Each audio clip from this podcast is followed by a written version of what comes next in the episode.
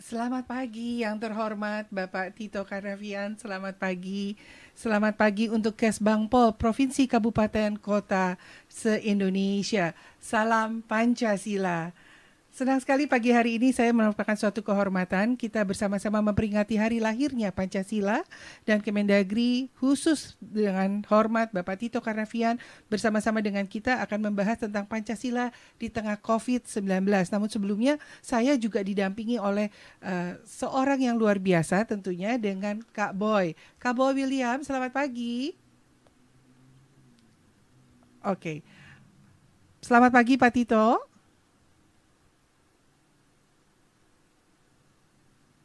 Nggak ada suara. Iya, nah itu dia. Halo, selamat pagi. Ya, kita masih mencoba mengkoneksi. Ya, sekarang baru masuk. Bapak sekali masuk. lagi, selamat pagi Bapak. Pagi Ibu, uh, mohon maaf Ibu siapa? Boleh kenal? Boleh Bapak, saya dengan Yohana Bapak. Yohana Dan dari ada Kak Boy, Boy William bersama-sama dengan kita Pak. Boy dari Eh ya, Boy dari hotline juga atau gimana? Boy dari ya, dari rumah aja Pak. Oke. Okay. Salam Pancasila Ayo. Bapak. Nah, semuanya salam Pancasila. Iya, salam Pancasila.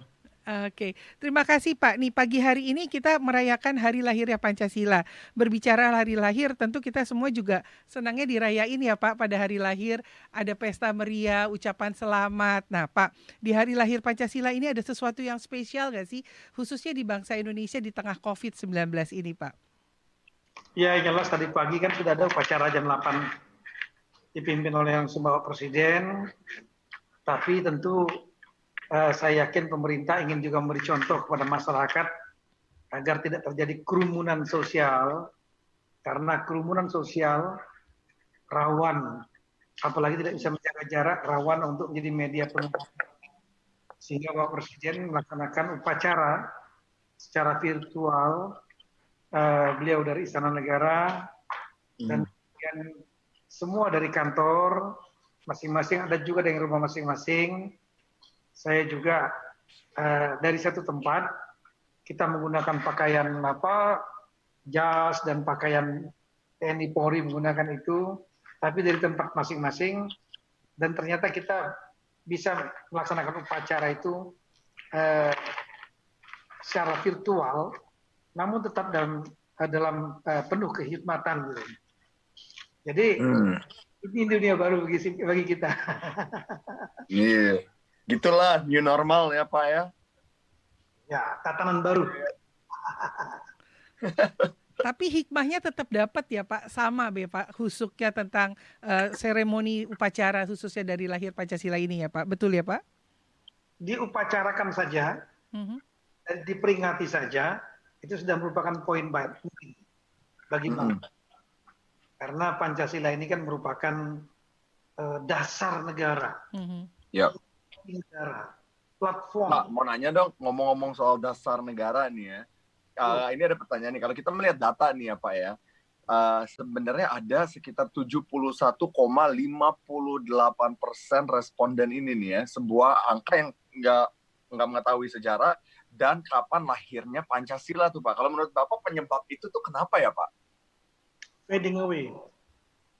Jadi mulai agak melarutnya atau lunturnya pemahaman mengenai itu di generasi hmm. sama di generasi muda.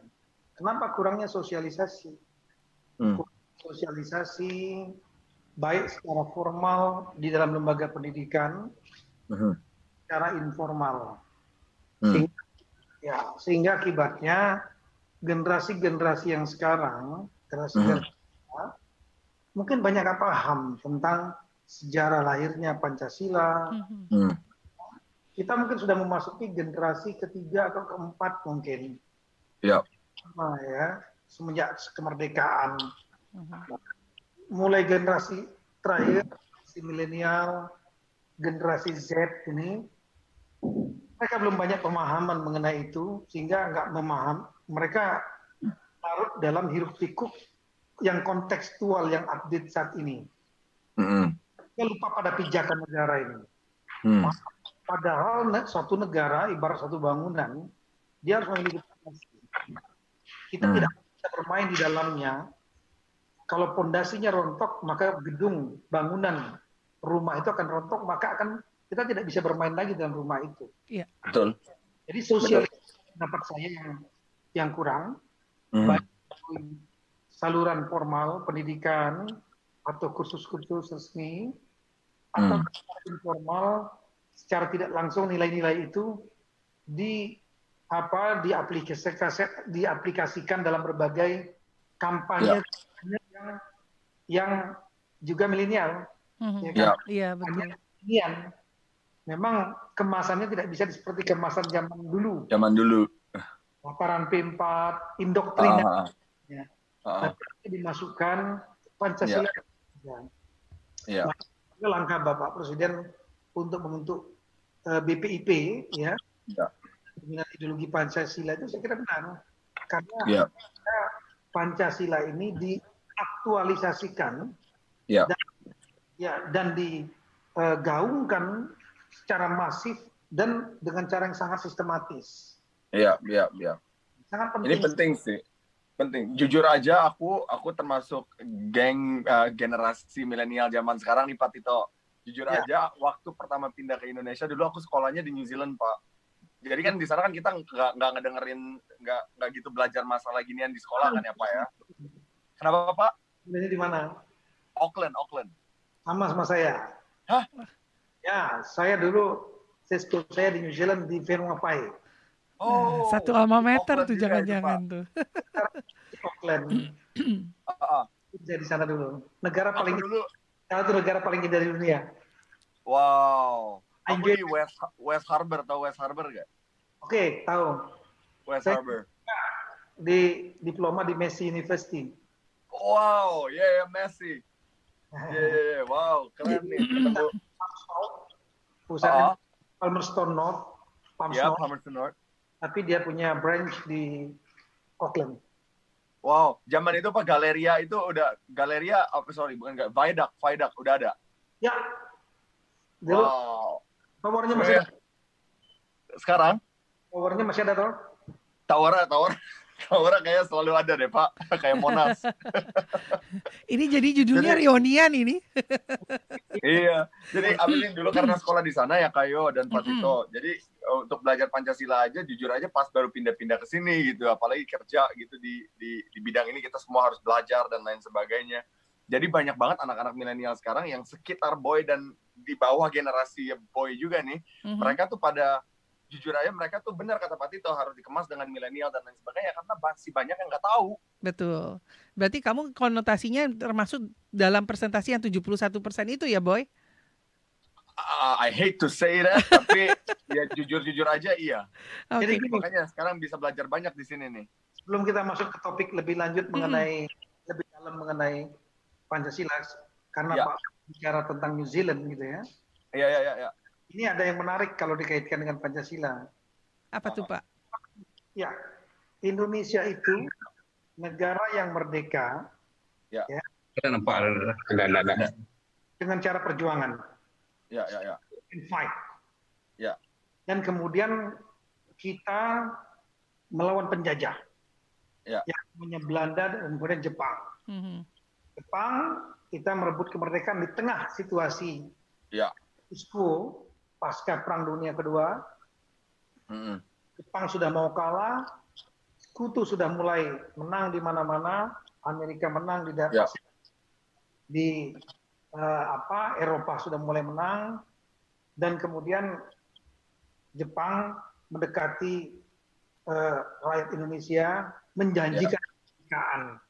Ya. Itulah Badan Penyelidik Usaha Kemerdekaan Indonesia yang disebut uh. PUPKI. Hmm. Uh. Dokuritsu Zun Zonbi Chosakai namanya itu. Okay. Ya. Hmm. ya, kemudian baru dibentuk panitia, panitia persiapan kemerdekaan Indonesia. Nah, hmm. poin yang ingin saya sampaikan bahwa Indonesia itu merdeka mm-hmm. penjajah by force, mm. artinya bagi mm. by position Setelah itu by force dengan kekuatan kekerasan. Hmm. Belanda mau mengambil alih kembali satu hmm. Oktober. Saya ulangi, bulan Oktober mereka masuk. Hmm. 5 Oktober atau kapan? Saya lupa. Bulan Oktober ya. Dan kemudian terjadi peristiwa perlawanan sampai uh. tahun 1949 kita perang lawan kemerdekaan dari Belanda. Itu semua hmm.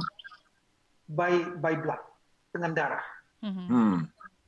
Sampai kita kemudian membuat mereka tidak mampu uh, melawan panjangan protracted war, ya, ya. perang ya. perang gerilya. Ya. Dan kita menangkan dengan pengakuan kemerdekaan 27 Desember 1949. Nah, ya. New Zealand, New Zealand negara yang tidak dari kemerdekaan. Yeah. Kalau kita yeah. khusus hari kemerdekaan, New yeah. Zealand memiliki hari kemerdekaan. Kenapa?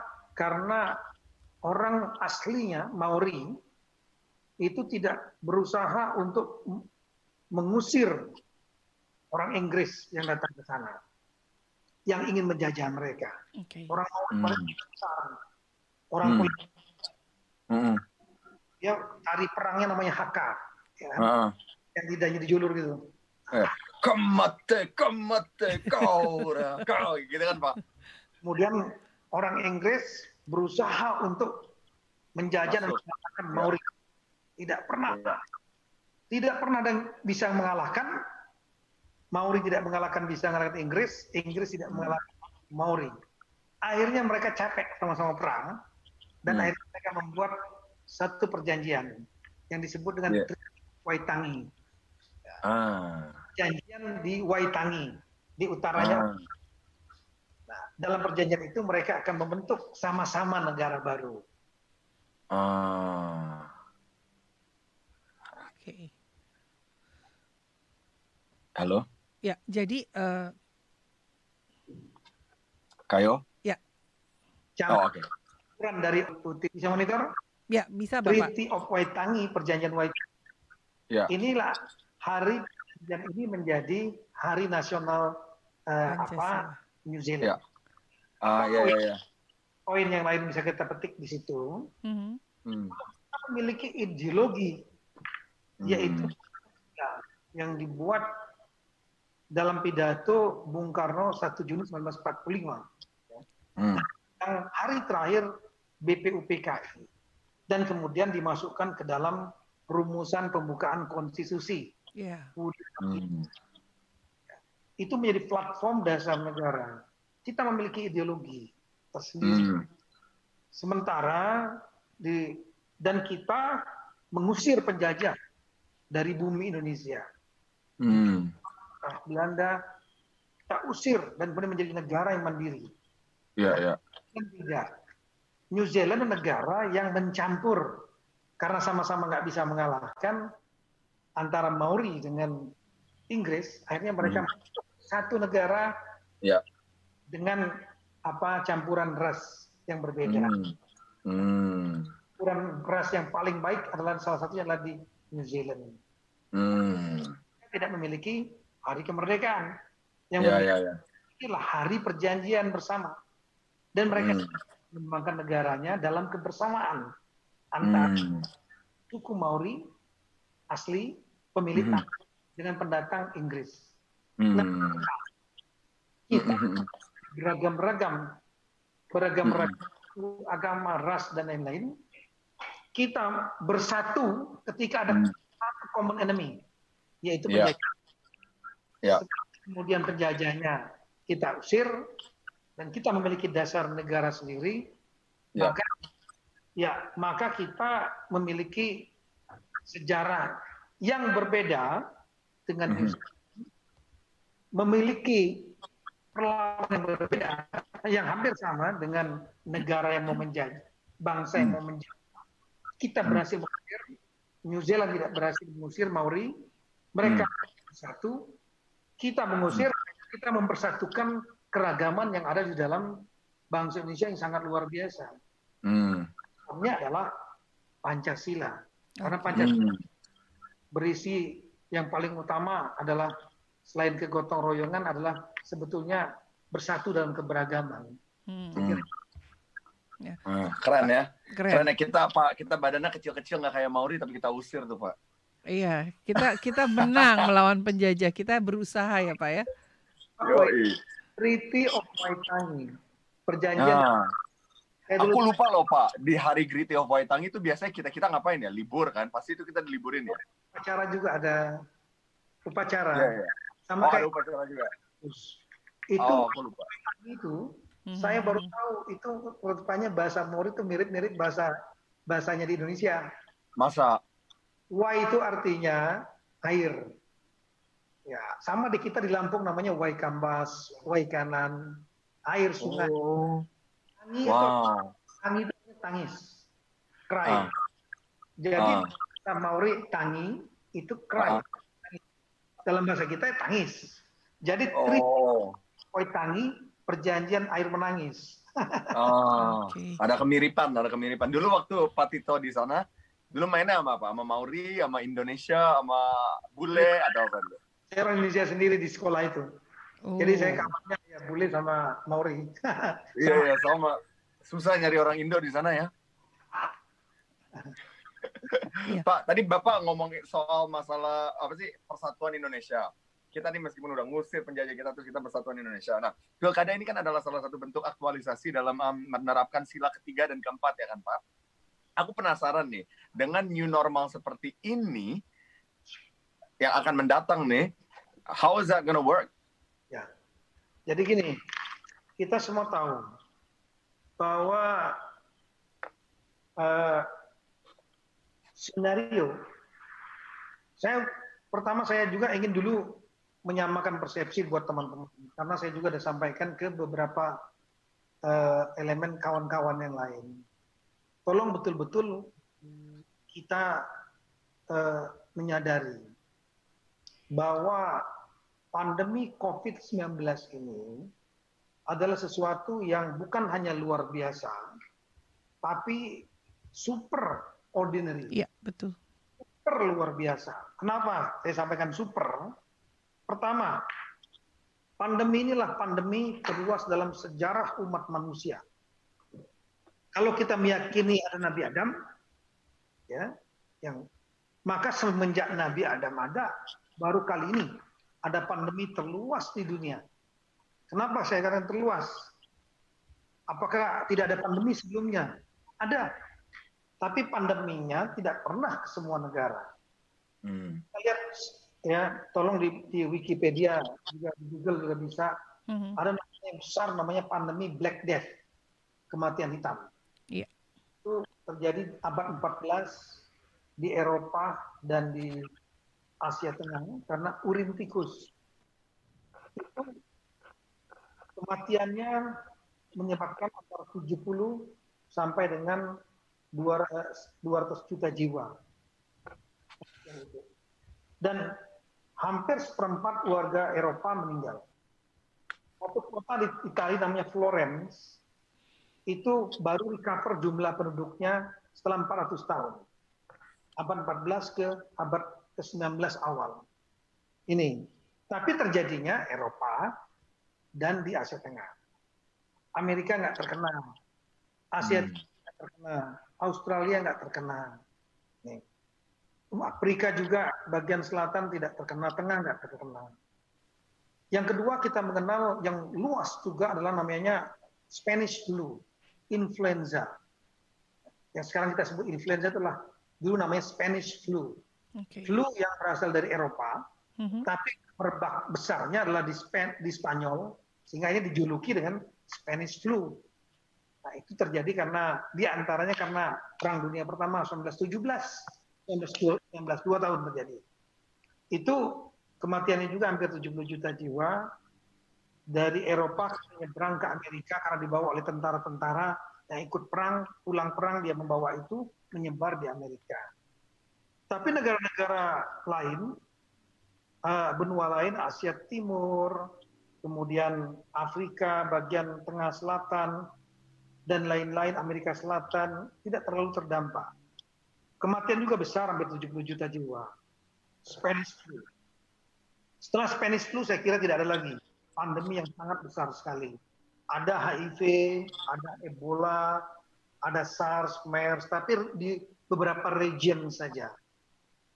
Nah, pandemi ini adalah satu-satunya dalam sejarah manusia pertama kali melanda hampir semua negara dunia.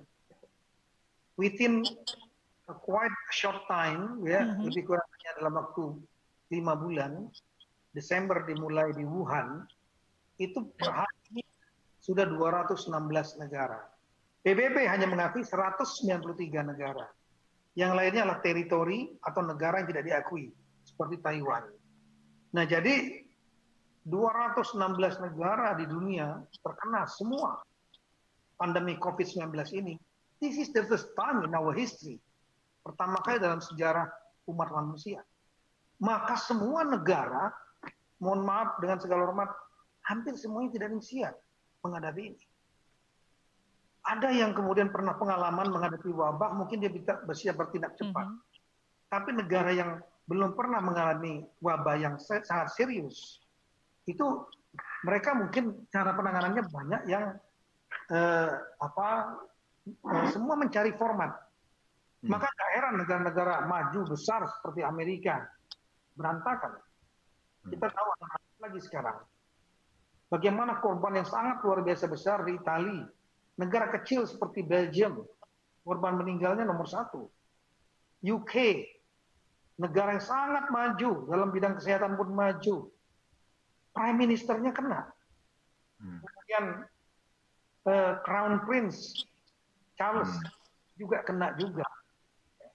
Kanada negara besar sehebat itu, itu uh, istri Prime Minister Trudeau juga kena.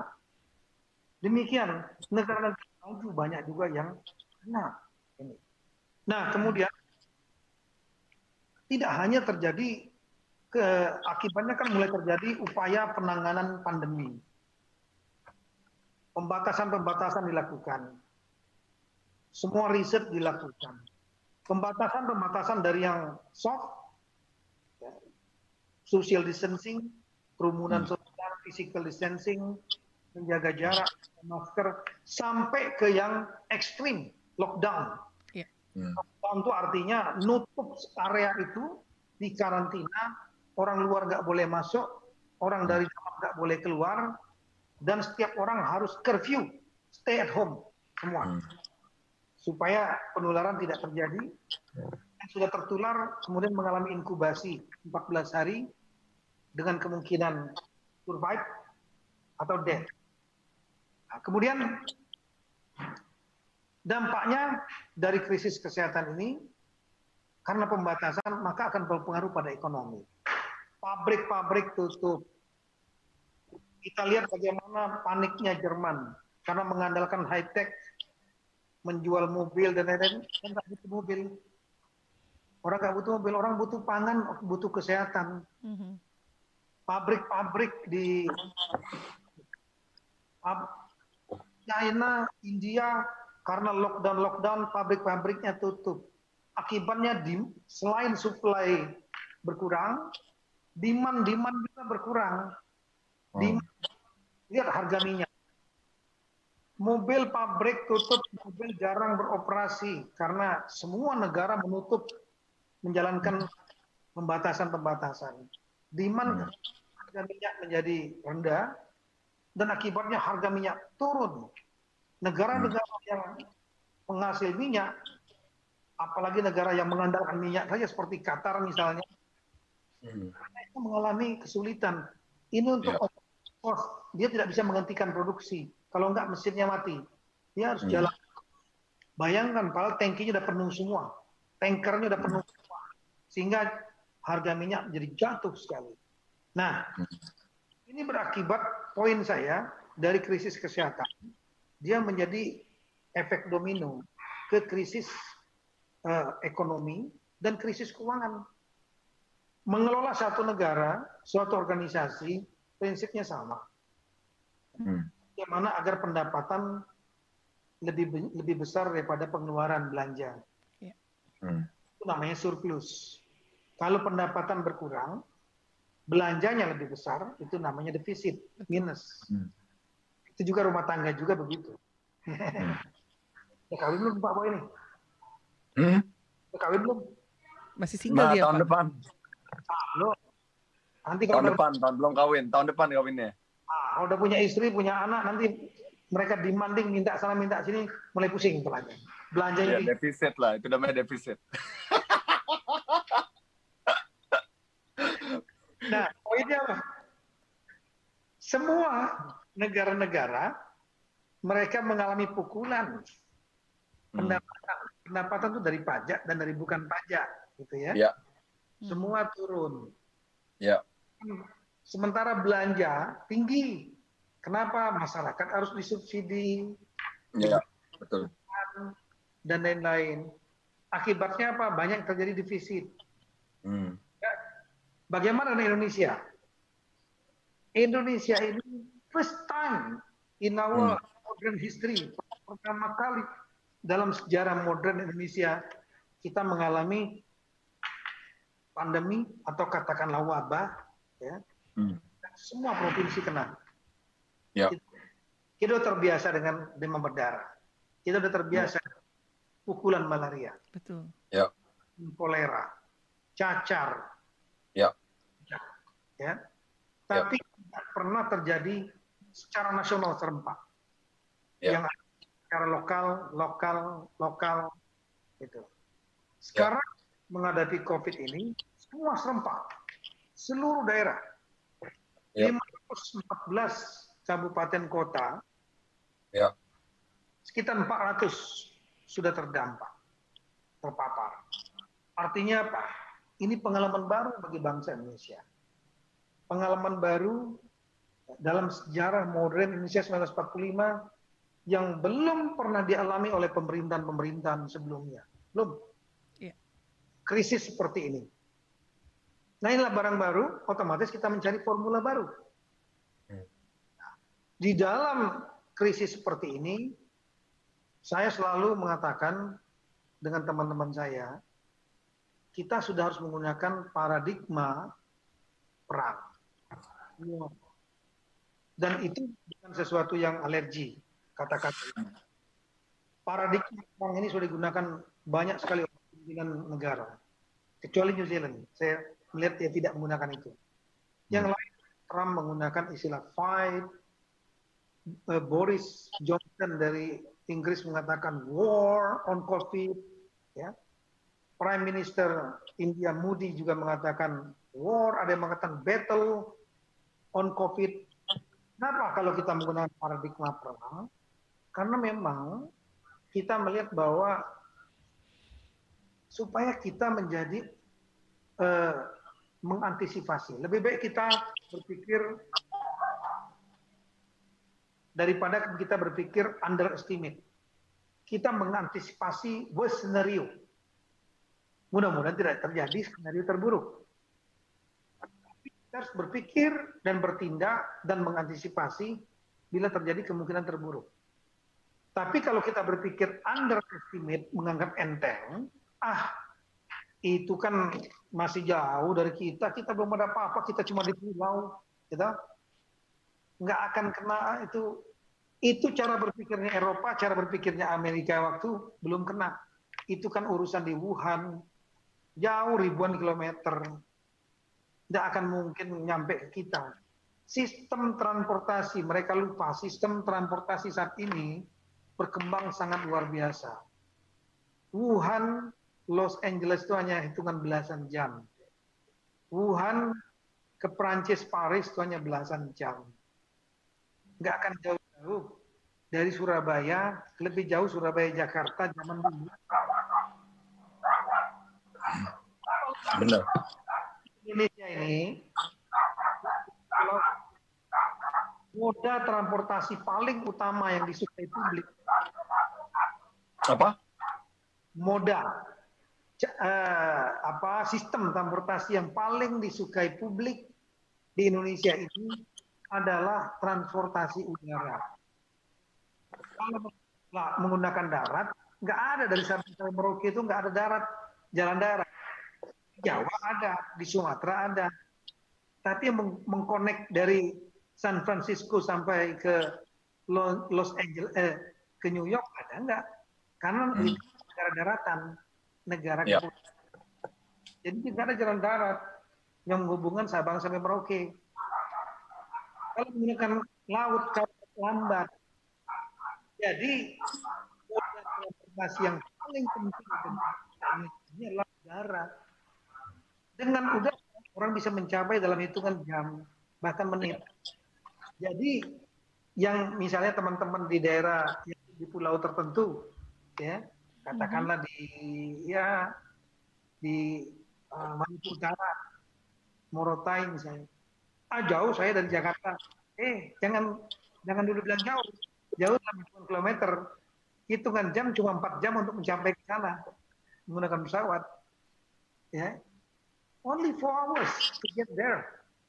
Bukan suatu problem. Jadi orang terbawa virus, virusnya jangan pindah ke sana.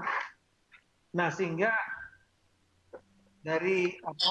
Karena ini adalah pengalaman baru bagi kita, kita menggunakan paradigma perang penting agar kita uh, berpikir overestimate dari underestimate, berpikir memikirkan antisipasi bila terjadi worst scenario. Nah, dengan kita berpikir worst scenario, maka semua persiapan kita lakukan rumah sakit kita perbanyak, karantina kita perbanyak, ya, dan seterusnya. Dan kemudian dengan kita paradigma perang, maka kita berusaha mengetahui apa kekuatan dan kelemahan lawan. Itu prinsipnya Sun Tzu. Hmm. Know your enemy, know yourself, and you will win in 1000 battles. Kenali musuhmu, kenali dirimu sendiri. Nah, ini musuh kita ini adalah musuh yang tidak kelihatan. Lebih enak perang pertama, dunia pertama, perang dunia kedua. Apa musuhnya? Jelas. Pakai tank, pakai pesawat, pakai kapal, pakai pakaian apa nama itu militer. Hmm. Dan mereka pun ada aturan perang, konvensi. Nggak boleh nyerang non-kombatan, hanya menyerang yang kombatan militer. Kalau yang COVID ini nggak ada urusan dia, mau Pak Boy yang ganteng yang masih muda, mau Yohana yang wanita yang cantik, ya, oh itu penyiar itu jurnalis nggak ada urusan dia. Oh ini Pak Tito nih Menteri Dalam Negeri, Jenderal Polisi Purnawirawan nggak ada urusan dia, nggak ada urusan. Mau dia kepala negara, mau dia pejabat tinggi, mau dia pangkatnya apa saja, mau dia laki perempuan, mau dia anak-anak, semua diajar sama dia. Lebih berat. Ya, maka kalau kita menggunakan paradigma perang, ya, kita harus mengetahui kekuatan dia. Kekuatan utama daripada COVID ini adalah penularannya yang cepat. Saya tidak mengatakan berbahaya. Ini berbahaya.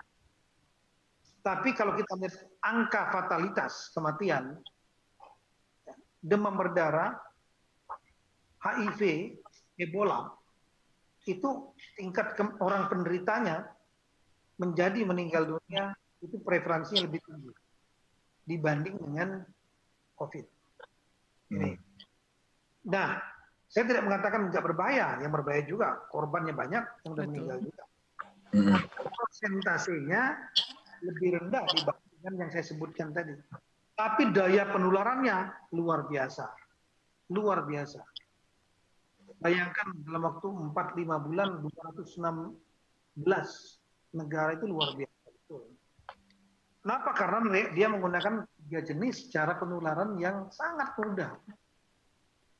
Yang pertama yang semua sudah kita tahu, kita cuma yang ini, yaitu droplet pecikan orang batuk bersin, orang bicara keras, kemudian muncrat dia air ludahnya.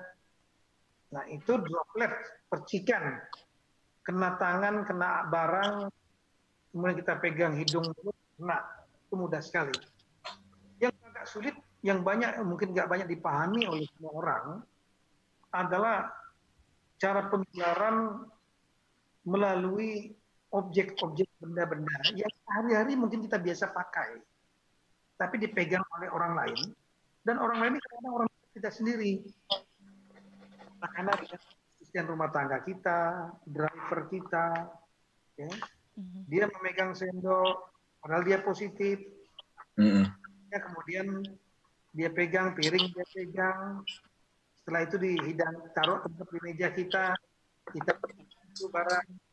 Ada spray kita yang punya pejabat-pejabat, dia naruh kertas surat, dia naruh pena, penanya, padahal dia positif, ya kena semua, yeah. tertular cepat. Nah yang ketiga itu yang yang juga tidak ringan, tidak tidak sepele, yaitu aerosol. Semburan pada saat kita batuk, bersin, dropletnya jatuh, tapi ada yang halus, semburan ya, itu air yang halus itu menjadi media yang bisa ditumpangi oleh uh, virus COVID ini. Nah, semburan ini di dalam ruangan dingin, apalagi ber AC, dia bisa hanging dulu, dia bisa bertahan dulu beberapa jam. Ada AC dia akan terbawa, terhisap sama orang, maka menjadi positif. Nanti memang mungkin banyak pertanyaan, kok ah, Bapak nakut-nakutin? Enggak nakut-nakutin. Kalau seandainya cara penularannya seperti HIV yang hanya melalui darah, suntikan atau hubungan seks tidak aman, transfusi kita itu akan gampang. Penularannya nggak akan nggak akan cepat. Ini penularannya sangat luar biasa karena tadi siapa yang mau menyangka orang-orang dekat kita, gitu. dia megang sesuatu tidak dibersihkan dan kemudian tertular. Nah, tapi juga kita tahu bahwa dia bisa mati dengan beberapa cara. Tujuh cara. Yang pertama dengan ultraviolet yang akan menyerang RNA-nya. Hmm. Kita tahu virus virus yang namanya diselimuti dengan envelope. Envelope-nya adalah lipid, lemak. Di dalamnya ada RNA, ya, uh, materi genetiknya. RNA-nya ini kalau masuk ke dalam sel paru-paru dia bisa membelah setelah itu keluar baby, baby uh, COVID, dan setelah itu masuk ke sel yang lainnya. Nah, jadi cara mematikannya kan dua, menyerang RNA-nya atau menyerang selaputnya, bajunya dia, pelindungnya dia, lemak. Ya. Ultraviolet adalah adalah cara yang terpenting untuk membunuh, menghancurkan RNA-nya, materi genetiknya. Sedangkan untuk memati, menghancurkan lemaknya, selaput lemaknya yang halus, membran, ya, lipid membrannya itu, itu dengan enam cara. Satu memanaskan suhu 56 derajat, yang kedua dia apa?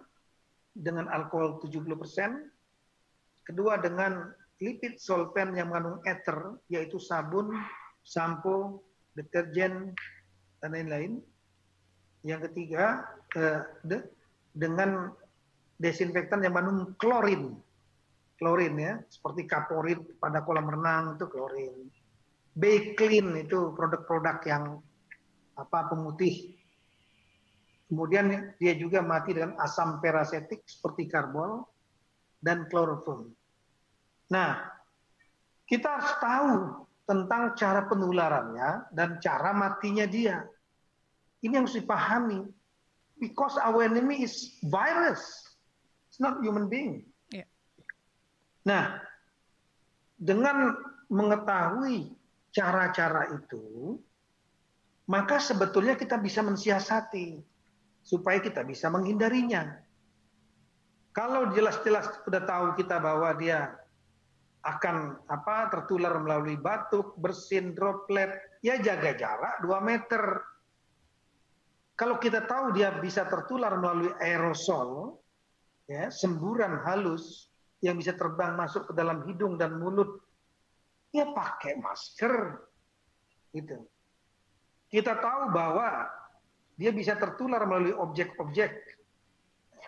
Pena misalnya, minuman, di luar mungkin dari, sudah dipegang oleh pembantu atau teman saya yang positif yang bersihkan dulu sebelumnya pakai air sabun kayak atau pakai ini hand sanitizer semprot semprot dulu atau habis megang itu kita semprot tangan kita begini-begini baru kita pegang tak muka nggak apa-apa nah, itu itu cara-cara untuk menghindari jangan sampai tertular.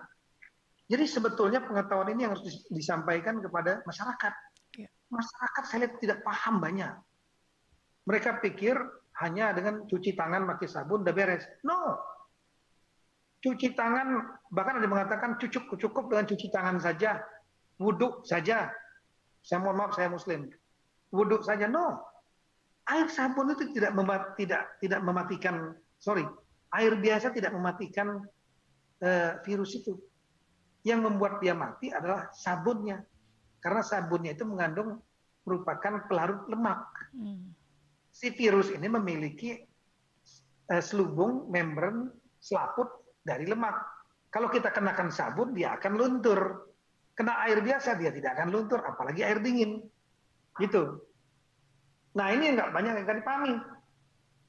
Yang berikutnya lagi, banyak masyarakat pikir masker itu dipakai ya hanya untuk karena perintah dari pemerintah, perintah dari eh, apa tempat orang dia bekerja, tanpa dia tahu fungsinya, fungsinya untuk menutup supaya jangan sampai kena apa virus dari luar atau kalau dia tertular jangan menulari orang lain. Ini tidak, saya lihat beberapa kali ya house assistant yang yang kerja di rumah tangga teman saya dia pakai masker. Begitu dia batuk dia buka maskernya. Oh, oh batuk habis itu dia pakai lagi. Artinya apa? Belum sampai ke masyarakat kelas bawah. Pemahaman man nah pertanyaan kita adalah kapan pak ini pak selesai masalah selesai satu pun gak ada yang bisa jawab teori virus eh, COVID ini akan selesai kalau vaksinnya sudah ketemu. Atau ada golden treatment yang bisa mengurangi. Jadi cara obat yang sudah standar yang efektif untuk orang yang terkena COVID positif dia akan bisa diobati dia akan sembuh. Kira-kira kalau kita zaman dulu malaria kita nggak ngerti obatnya, setelah itu tahu kloroquine, tuh kan? Nah, ini golden golden standard untuk obat kan belum diketahui, belum ditemukan. Ada memang Avigan, ada chloroquine, ada remdesivir, ada Tamiflu. Tapi kan yang dijadikan standar golden, standar tetap untuk pengobatan itu yang terbukti efektif secara klinis, lab itu belum ada yang disepakati. Semua trial and error apalagi vaksin. Vaksin itu diperkirakan baru tahun 2021 pertengahan atau akhir.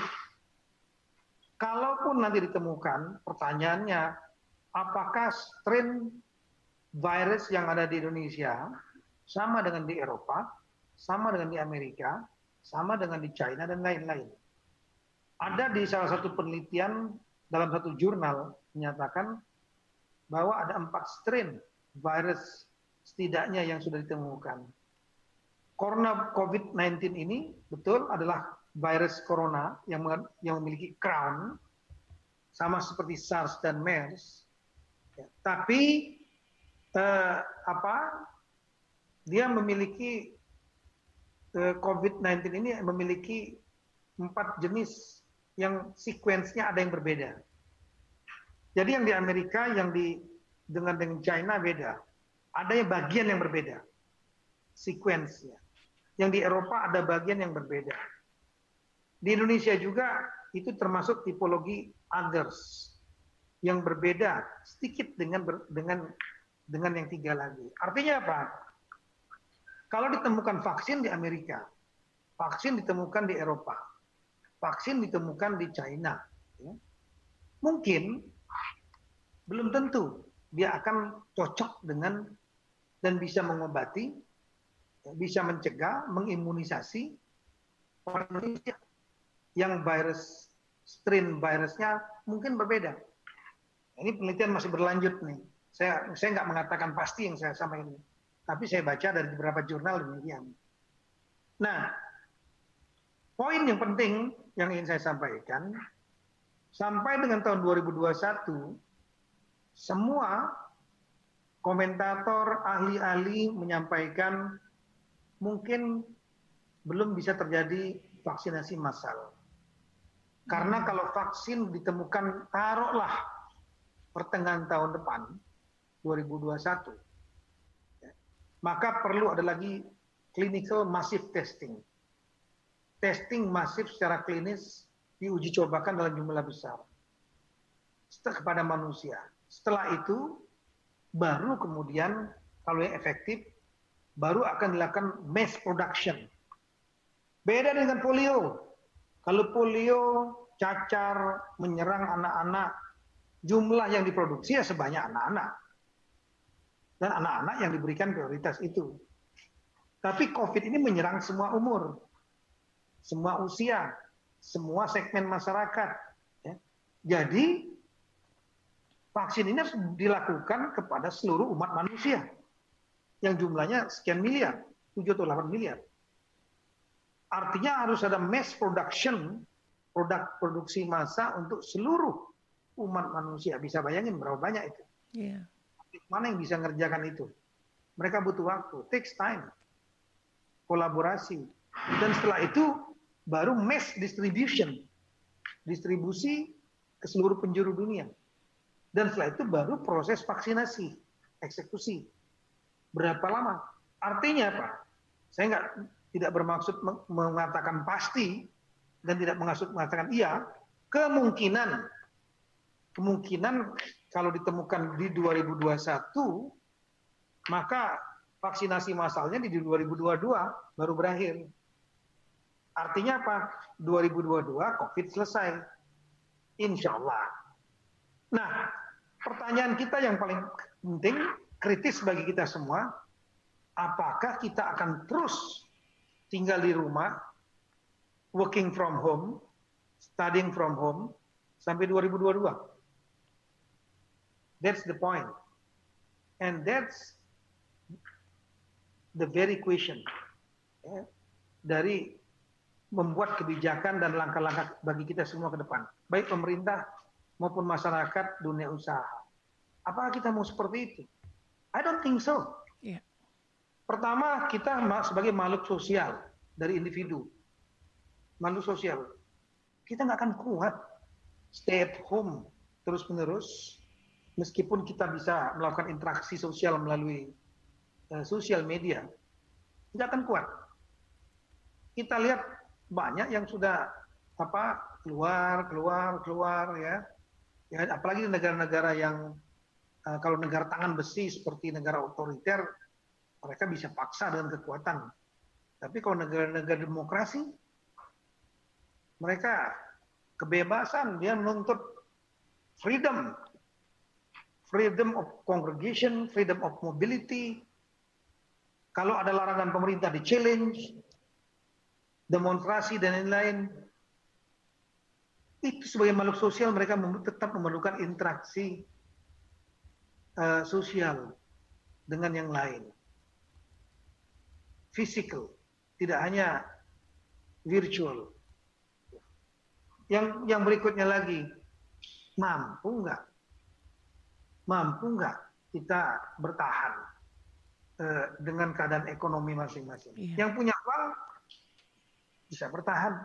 High class, middle class yang besar, fine. Tapi kalau yang middle class, apalagi yang low class, yang 60% rakyat kita adalah low class. Apakah mereka mampu bertahan untuk hidup di rumah, ya, tidak bekerja, dan lain-lain? Itu. Nah, sehingga belum lagi kita bicara, itu bicara ekonomi rumah tangga. Gimana kalau kita bicara ekonomi pemerintah daerah? Pemerintah daerah terpukul, hotel tutup, restoran tutup, yeah semua Bali itu Badung itu pemerintah Badung yang sekitaran Denpasar APBD-nya 6,7 triliun. Saya ulangi 6,3 triliun. 4,7 triliun itu dari wisata. 1,6 triliun dari transfer pusat. Pusat pendapatan kurang, otomatis transfer ke daerah juga berkurang, dikurangi. Sementara yang 4,7 triliun dari sektor wisata semua tutup. Jatuh. Jakarta 87 triliun. Gubernur Jakarta menyampaikan benda PAD mereka turun menjadi 27 triliun kalau saya tidak salah. Sehingga total APBD mereka hanya 47 triliun rencananya. Separuh. Separuh mereka terpukul ekonominya. Nah, ini apakah pukulan ekonomi ada ada pada di kita saja? Tidak, seluruh dunia. Bahkan negara-negara banyak yang sudah minus, minus pertumbuhan ekonominya. Singapura juga terkena pukulan yang dalam sekali. Banyak negara-negara yang terkena pukulan dalam sekali. Kita masih bertahan di angka 2 persen lebih pertumbuhan ekonomi, kalau saya tidak salah. Tapi negara-negara yang udah minus, jatuh, saya kira bisa di Google. Impact of economy, uh, impact of COVID to economy ya, by countries itu semua kita termasuk yang relatif dianggap masih bisa survive ini. Nah oleh karena itu kembali kepada uh, apa nama itu sinerio kita. Kita berpikir secara logis dan rasional, mengamankan masyarakat sangat penting dari bahaya COVID-19. Tapi kita juga tidak boleh mematikan ekonomi. Kalau ekonomi sampai mati, kemampuan negara untuk menangani COVID-19 yang memerlukan biaya, memerlukan bantuan sosial, memerlukan uang untuk membangun fasilitas kesehatan, membangun, ini semua memerlukan biaya. Ya kalau pemasukannya makin berkurang, kemampuan kapasitas negara membantu kesehatan publik, melindungi masyarakat dari COVID juga akan berkurang. Yang kedua, bagi masyarakat sendiri, kalau ekonomi sampai mati, ya mereka nggak bisa hidup. Nggak bisa mengandalkan sepenuhnya dari bantuan pemerintah. Nggak bisa. Mereka harus survive. Dunia usaha juga perlu survive. Para pengusaha yang punya karyawan banyak, segala macam, mereka kadang nggak bisa. Mereka hanya sekedar ke memphk kan begitu saja. Apalagi kalau hubungan kerja mereka sudah puluhan tahun Nggak bisa. Mereka punya anak istri. Punya tanggung jawab moral juga mereka. Sehingga semua negara dunia berpikir sama. Bagaimana menyelamatkan masyarakat dari ekonomi, saya ulangi dari kesehatan, menjaga aman COVID, tapi masyarakat masih tetap bisa beraktivitas produktif, ya. mereka bisa menghasilkan rumah tangga, pelaku-pelaku ekonomi masih bisa jalan, tapi aman. Nah, inilah skenario yang harus diambil. Nah, salah satu yang harus, maka itu yang disebut dengan tatanan kehidupan masyarakat produktif dan aman COVID yang kadang di luar negeri disebut dengan istilah new normal life itu. Semua negara membuat skenario itu. Nah, dengan skenario seperti itu, maka semua sektor kehidupan harus dibuat protokol aman COVID. Bagaimana dengan pilkada? Pilkada adalah salah satu agenda politik penting.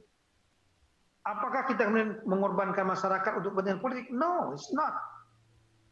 Semua sektor kehidupan masyarakat ini harus ditata, disiapkan dengan protokol kesehatan.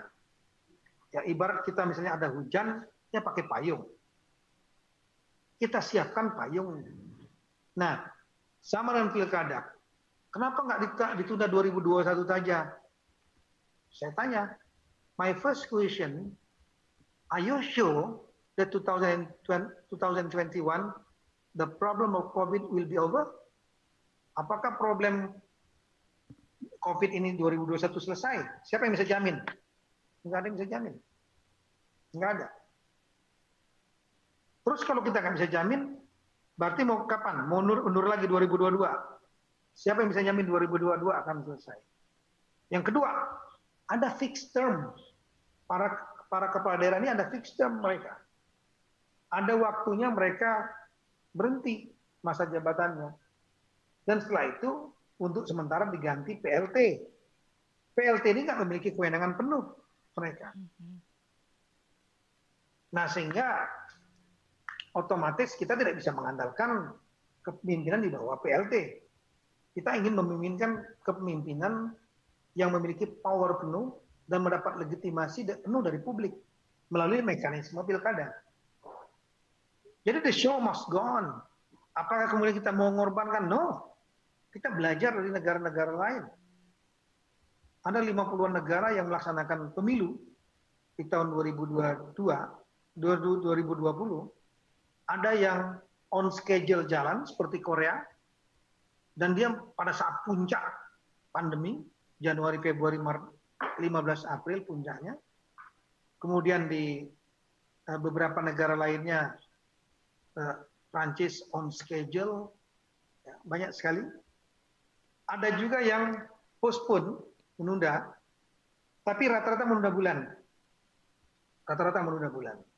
Termasuk New Zealand kalau saya tidak salah menunda bulan. Ada satu yang menunda tahun kalau saya tidak salah UK pemilihan legislatif di British uh, United Kingdom Inggris ini kalau saya tidak salah satu-satunya dari 50-an lebih.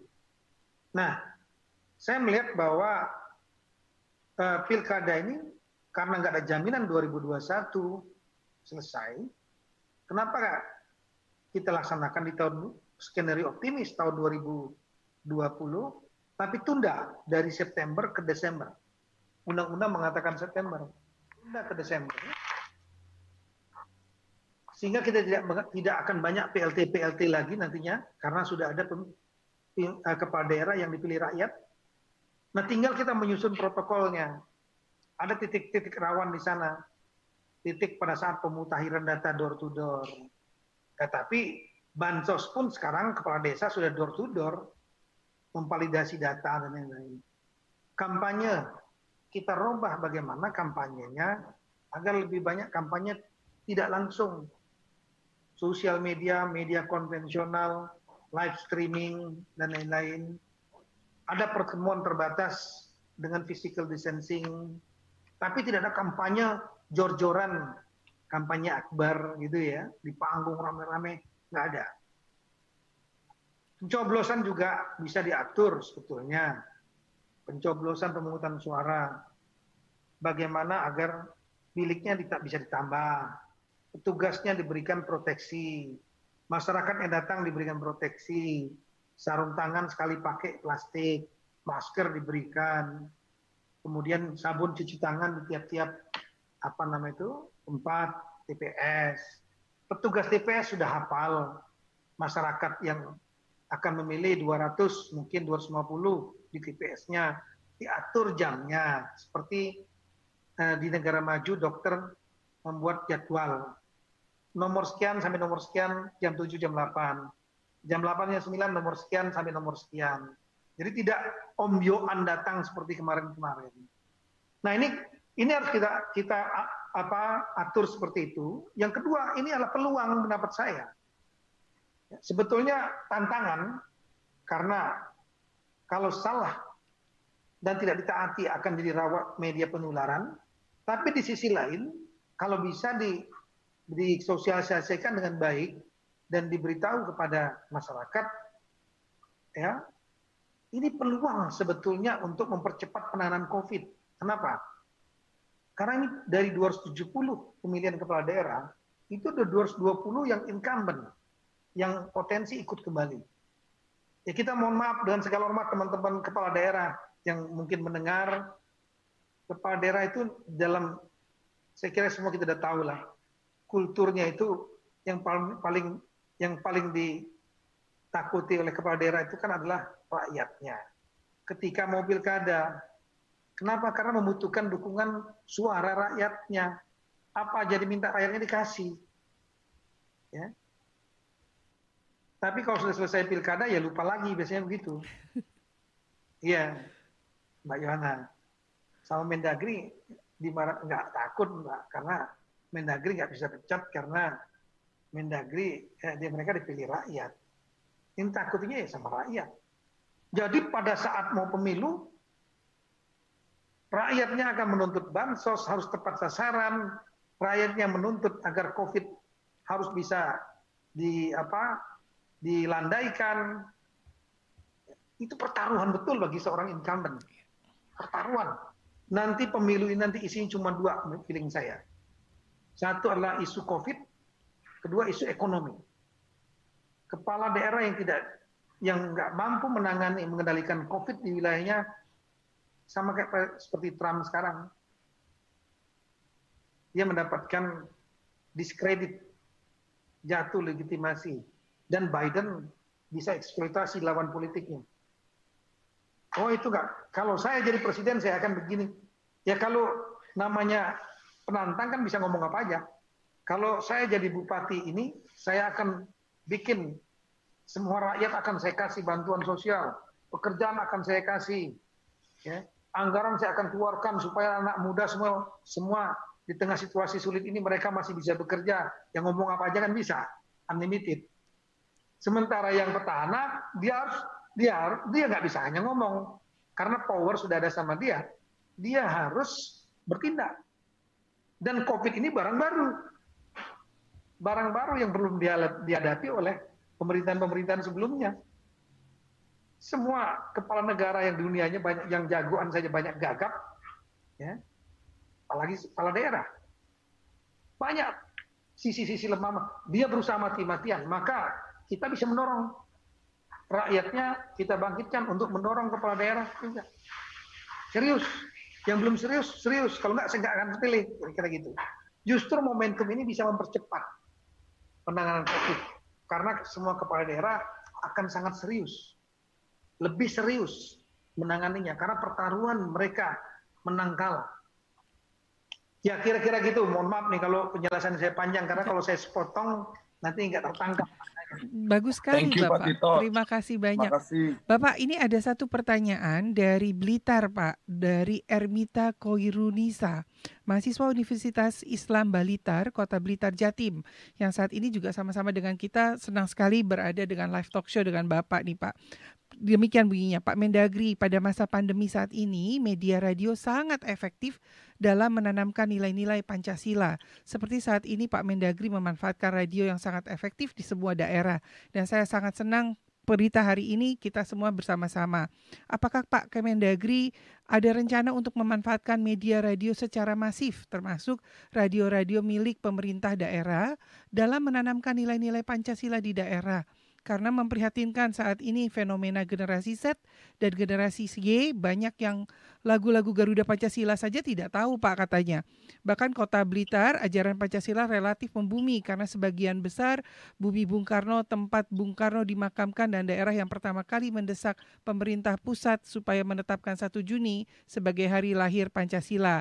Nah intinya bagaimana nih Pak uh, dengan radio keberadaannya di daerah Pak? Apa pun bentuk medianya, sekarang ini memang harus dilakukan sosialisasi yang sangat masif mengenai eh, bagaimana menang, menangani COVID, bagaimana mencegah COVID, dan bagaimana peran Pancasila, nilai-nilai Pancasila dalam penanganan COVID ini. Dan menurut saya, kita tahu bahwa eh, di generasi Y dan generasi Z ini, ini Pancasila itu seperti sesuatu yang yang sesuatu yang sudah usang, ya, yang obsolete, yang sudah usang, yang barang lama, yang seolah menjadi pemilik generasi yang yang dulu. Padahal tidak, dia berlaku untuk sepanjang masa. Nah, sehingga perlu direaktualisasikan dan direinteralisasikan, dilembagakan, diperkenalkan kepada semua kalangan. Jadi sosialisasi dengan berbagai platform termasuk radio, apa pun juga yang menyentuh, ini harus dilakukan tapi dengan menggunakan cara-cara cerdas sesuai dengan cara berpikir generasi itu. Ya, kalau mereka sukanya TikTok, ya dimainkan lewat TikTok gitu ya, apa pun lah. Ada uh, penyanyi yang bagus, influencer yang disenangi oleh anak, muda lewat dia bicara dan terusnya. Nah, tapi ada poin lain yang saya ingin tangkap dari pertanyaan tadi, yang saya anggap penting, ingatkan saya, ini pandemi ini, menurut dapat saya juga adalah momentum bagi kita untuk kembali menekankan pentingnya nilai-nilai Pancasila. Kenapa? Karena ini adalah ujian. kita sedang menghadapi ujian. Ujian terhadap eh, apa soliditas kita, kesatuan kita satu bangsa sebagai satu bangsa. Saya melihat bahwa negara-negara yang survive, ya, katakanlah Jepang, Korea yang dianggap berhasil, Taiwan, mereka memiliki solidaritas, persatuan dan kekompakan antar elemen bangsa yang sama, kuat dari pemerintah, non pemerintah, sampai ke grassroots, semua bersatu. Dalam satu frekuensi yang sama, ya, dalam satu kapal yang sama. Tapi kalau di dalamnya udah cakar-cakaran, seperti di Amerika, mereka akan gagal menghadapi COVID ini. Kita melihat bagaimana demo yang ramai sekali di Madison Square, New York, kemarin, itu puluhan ribu orang. Ini masalahnya politik dan masalahnya masalah keamanan rasialisme. Ya. Tapi itu sangat berpengaruh besar dalam penang, eh, dalam protokol penanganan COVID yang harusnya ada social distancing dan physical distancing. Ini kalau maka eh, poin pentingnya adalah rasa persatuan dan solidaritas antar elemen bangsa harus menjadi hal yang utama di tengah situasi tantangan global. Yang kalau seandainya kita tidak bisa menangani atau salah salah presisi menanganinya presisinya tidak akurat dalam menanganinya itu akan bisa mengakibatkan kalau kita tidak solid ya kita akan ribut sendiri di dalam. Padahal kita menghadapi permasalahan yang sama, common enemy, yaitu virus COVID yang dia menyerang kita semua. Kita harus kompak. Bersemua, tidak boleh saling menyalahkan, saling mengisi. Antar pemerintah, antara pemerintah pusat, daerah, elemen masyarakat, ini harus kompak. Jangan mengambil keuntungan, kesempatan di tengah situasi seperti ini, kemudian untuk mendelegitimasi menyalahkan yang lain. Karena apa? Itu akan mengurangi kekompakan kita. Bangsa yang kompaklah yang akan bisa menjadi memenangkan atau bisa tampil survive. Inilah ini adalah ujian survive bangsa kita. Nah, nilai Pancasila menjadi sangat penting. Kenapa? Karena nilai Pancasila inti utama itu adalah kekompakan dan gotong royong. Ini kunci utamanya. Ingat Bung Karno menyatakan kalau Pancasila bisa dipres menjadi tiga menjadi Ekasila. Kalau Ekasila bisa dipres menjadi satu, maka cukup dengan istilah gotong royong. Di saat ini kita butuh gotong royong. Kompak bersama. Kompak bagaimana? Sebetulnya gampang. Kompak menjalankan protokol kesehatan. Itulah ini maksud kompak. Contoh, kita sudah belajar ini selama lima bulan ini. Kita sudah mulai tahu lawan kita ini. Yang saya sampaikan tadi. Pakai masker. Semua kompak. Pakai masker. Ya, nggak usah masker N95, nggak usah yang surgical, yang kain aja udah cukup, yang bisa dicuci kembali. Tapi jangan hanya sekedar kampanye pakai masker kita harus juga membuat gerakan nasional membagikan masker karena hmm. ada masyarakat yang nggak nggak memiliki kemampuan punya masker pun dia nggak bisa. Betul. Ini harus dibagi. Oleh siapa? Oleh yang bisa membuat, entah pemerintah maupun non pemerintah. Bagikan, jelaskan. Ini yang belum maksimal. Yang kedua adalah gerakan nasional untuk cuci tangan. Banyak yang nggak paham, pikirnya kalau udah cuci tangan pakai air beres. Tidak. Cuci tangan setiap saat ketika Anda memegang benda yang pernah dipegang oleh orang lain. Entah dengan sabun, air, maupun dengan hand sanitizer yang berbasis alkohol atau yang berbasis klorin. Makanya kalau dulu saya polisi, senjata saya nomor satu adalah pistol, sekarang saya senjata saya nomor satu adalah hand sanitizer yang setiap hari saya kantong. Ya. Setiap megang apa, semprot tangan. Kadang-kadang kombinasi dengan cuci tangan, sabun. Anytime you touch an item that has been touched by others, yang mana setiap mencuci tangan, setiap men menyentuh barang yang pernah disentuh orang lain. Itu kira-kira. Nah, pemerintah dan teman-teman yang mampu buat kita sama-sama bergerak. Siapkan tempat cuci tangan dengan sabun di sebanyak-banyaknya di ruang publik, di stasiun, di mall, di pasar tradisional, di mana-mana, sebanyak-banyaknya. Yang kedua, buat gerakan membagi uh, hand sanitizer, baik yang berbasis alkohol atau yang berbasis klorin, sehingga nanti hand sanitizer ini sama seperti handphone. Dulu orang pakai handphone aneh awal-awalnya. Sekarang handphone sudah jadi bagian dari tubuh. Iya. Kita masuk toilet, ya, semua dibuka baju, semua dibuka, handphone untuk dibawa juga, gitu kan?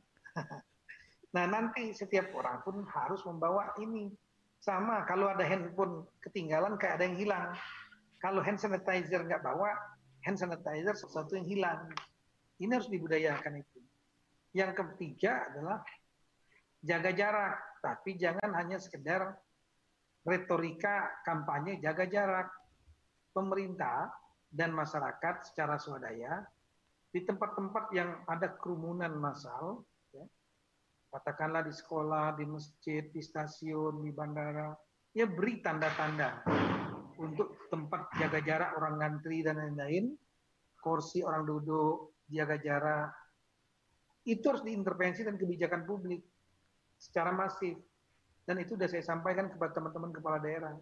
Ini teman-teman Kesbang semua ada di sini, semua semua bergerak.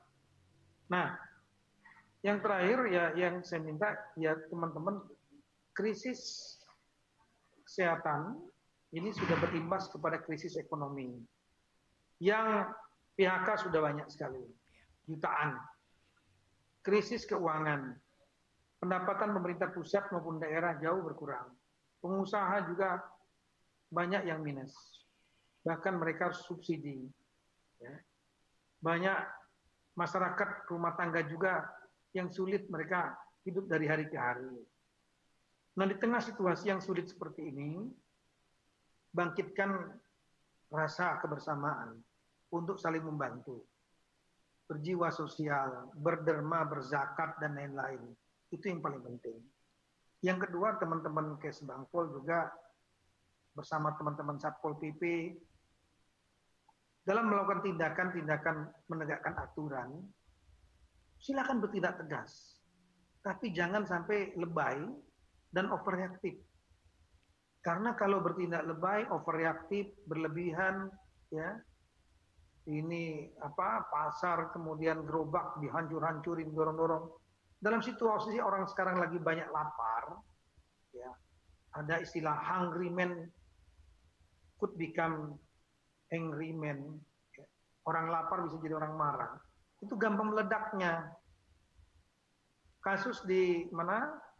Di eh, Amerika, saya yakin tidak hanya sekedar masalah diskriminasi biasa, tapi sudah mulai marah ketika masalah COVID ada yang mungkin sulit, lapar, ada yang PHK.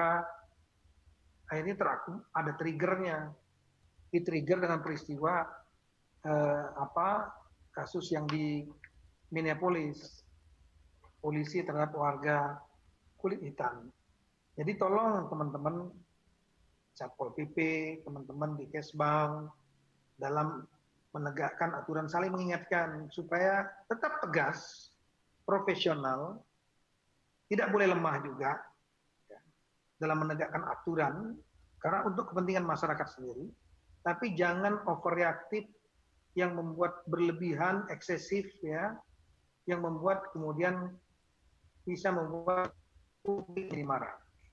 Nah, itu saya kira-kira pesan saya. Terima kasih. Terima kasih Pak Tito. Wah, uh, Kaboy. Halo Kaboy. Nah, sekarang kita udah dapat banyak ya. pelajaran ya. nih Kak Boy ya.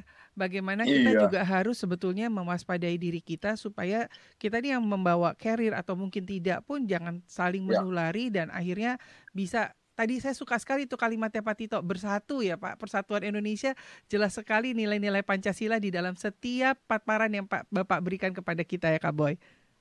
Ya betul. Dan ini juga yang masalah sanitizer kita bawa ke mana-mana. Mm -hmm. itu benar itu itulah salah satu new normalnya ya. Buat kita sekarang aneh. Apaan sih bawa botol beginian seperti seperti belum pernah kan terjadi. Dan sekarang ya memang benar inilah new normalnya kita sanitizer kita bawa ke mana-mana biar aman thank you Pak Tito masukannya iya luar biasa nih mungkin nah. masih sebetulnya new normal itu bukan sesuatu yang aneh bagi kita mm -hmm. dulu ada peristiwa 9/11 mm -hmm. ya, serangan teror di Amerika tahun 2001 yeah. yang yang menyerang WTC, yeah. Pentagon diserang, beberapa hmm. waktu kemudian kemudian terjadi peristiwa besar di Indonesia. Yeah. Bom, bom Bali itu ratusan korban meninggal, ya. Yeah. Hampir seribu orang terluka. Hmm. Itu menjadi peristiwa teror nomor dua terbesar di yeah. temporer ini. Semua kemudian membuat suatu protokol. Ya. Bandara-bandara menggunakan X-ray. Ya. Boy dari New Zealand, dari Auckland ke sini, dari sini ke Auckland, lepas sepatu, lepas ikat pinggang, laptop dikeluarkan, handphone iya. dikeluarkan. Kalau dulu kan nggak ada. Iya. Ya. Sekarang kita mau masuk mall, taruh lagi laptop kadang-kadang uh, tas diperiksa lagi oleh satpam, masuk ya. lagi, gitu? Iya nggak nyaman. Ya. Masuk ke apa eh, tempat-tempat eh, tertentu pun sama. Kadang-kadang ruang gedung pertemuan, gereja, ya itu ya. Itulah new, new normal. Ya. Normal life setelah serangan peristiwa besar. Ya. Gelombang terorisme yang terjadi. Nah, jadi ya. sekarang kita tahu bahwa permasalahan ini adalah masalah COVID-19 kita tahu cara penularannya, kita tahu cara matinya, ah, kita mensiasati. Kira-kira hmm. Betul. Pak, boleh tanya satu lagi nggak nih Pak? Seru habisnya sama Bapak, kita banyak pencerahan dan kita jadi lebih tambah pintar nih kasih sama Bapak nih Pak. Izin tanya satu lagi boleh Pak? Iya, apa-apa. Ah, senangnya. Pak, bagaimana sih hubungan new normal yang tadi tadi kita bicarakan ini dalam sila-sila yang dikaitkan dengan Pancasila? Misalnya ya Pak, contoh sila pertama deh. Kita kan terbiasa untuk melakukan ritual-ritual atau ajaran agama, misalnya beribadah di tempat uh, ibadah. Lalu kita kemarin memberikan arahan dari pemerintah untuk tidak pulang kampung. Itu satu ritual yang akhirnya kita menjadi beda gitu ya. Nah, ini kaitannya bagaimana, Pak? Ya karena kan setiap namanya pengumpulan massa dan itu tidak ter, kalau tidak dilakukan physical distancing atau tidak dapat mencegah terjadinya jaga jarak, mm-hmm. itu akan menjadi media penularan. Kita kan udah tahu orang batuk dropletnya terpecikannya akan kena orang lain yang deketan, ya langsung tertular. Kemudian kena barang, ya handphone teman, handphone teman itu kemudian dipegang pakai tangan, tangannya pegang hidung, tertular. Itu kemudian apa nama itu jarak dekat salam-salaman cipika-cipiki padahal positif ya tertular. Nah, itulah yang terjadi ya, apa nama itu ini bukan hanya satu agama, semua agama. Kita melihat kasus di Korea itu kan meledak besarnya pertama ketika ada kasus uh, ritual keagamaan gereja yeah. yang di apa di Korea Selatan setelah itu kita melihat ada lagi pengumpulan yang ada di Malaysia, di Petaling, Kuala Lumpur, jemaat tabligh. Setelah itu terjadi penyebaran positif ada 600 kalau saya tidak salah. Setelah itu kita sendiri ada peristiwa di Goa. Ya, itu menyebar setelah itu terjadi namanya klaster Goa itu ke 10 provinsi atau berapa provinsi di atas 10 provinsi. Artinya apa? Bukan soal keagamaan yang ini masalah. Bukan. Tapi kerumunan yang tidak bisa membuat protokol jaga jarak, cuci tangan, masker, dan lain-lain. Bukan hanya kegiatan keagamaan, sekolah juga itu rawan. Sama dengan apa nama itu eh, kegiatan seni dalam jumlah masif, kegiatan olahraga, nonton bola rame-rame. Kita lihat liga di Eropa sudah ada yang dimulai, tapi tanpa penonton dulu tahap pertama. Ya. Nah, jadi kembali kalau mengenai new normal nanti tergantung kesiapan dan perlu pentahapan. Prinsip kegiatan sebetulnya kegiatan apa pun sepanjang itu bisa bisa menjaga jarak dan kemudian pakai masker, cuci tangan, hand sanitizer, tidak terjadi kontak fisik. Itu kalau bisa diakali seperti itu sebetulnya sebetulnya bisa dilakukan aktivitas itu tetap jalan dan produktif dan aman dari COVID. Masalahnya masyarakat kita apakah paham apakah tokoh-tokoh kita paham tentang cara penularan dan cara mengatasinya. Nah ini yang kadang-kadang nggak banyak nggak paham. Mengatakan, nah itu kan urusan tertular, urusan meninggal, urusan Tuhan. Fine. Tapi kan Allah, Tuhan juga menyatakan manusia harus berikhtiar. Kita lihat negara yang menjadi salah satu kiblat kita eh, dalam apa beragama terutama keislaman Saudi saja tidak melaksanakan umroh, gitu? Yeah. Orang umroh dulu, bahkan hajinya belum jelas. Sebentar lagi pada itu. Nah, itu negara yang jadi rujukan kita. Jadi eh, apa banyak ahli-ahli alim ulama di sana kita tahu yang menjadi rujukan kita. Mereka tahu bahwa itu akan penularannya bukan soal agamanya. Mm -hmm. Oleh karena itulah kembali kepada ritual keagamaan tadi ataupun kegiatan-kegiatan sosial yang berjumlah besar kalau tidak bisa menerapkan fisikal jaga jarak 2 meter dan masyarakat belum paham penggunaan masker dan kemudian membersihkan tangan baik dengan sabun maupun hand sanitizer dengan rutin setiap megang benda yang asing dipegang orang lain maka jangan ngambil risiko. Yang takut nanti begitu ada eh, apa katakanlah dibolehkan suatu kegiatan dalam jumlah yang agak besar dan kemudian mereka eh, bisa menjaga jarak, yang lain nggak ngerti, dipikir dipikir boleh, akhirnya ya kumpul seperti biasa, seperti eh, tanpa ada COVID. Nah, hmm. ini yang kita lakukan begitu. Itu. Jadi tantangan kita lah mensosialisasikan dan mengintervensi dan kebijakan sehingga kegiatan-kegiatan itu tetap jalan. Nah, ini semua pemerintah kami juga ada membuat lomba dari Kemendagri kepada seluruh Pemda agar bisa membuat ya seluruh Pemda agar membuat apa nama itu uh, protokol kesehatan untuk pasar tradisional, mall dan lain-lain, ya. Dan kemudian kita akan berikan reward termasuk dengan Ibu Menteri Keuangan akan memberikan dana insentif daerah. Dibuat dalam bentuk video-video. Kita berikan waktu sampai tanggal 8 Juni. Hmm. Nanti yang menang diberikan hadiah dan setelah itu kita akan viralkan untuk menjadi model bagi daerah lain.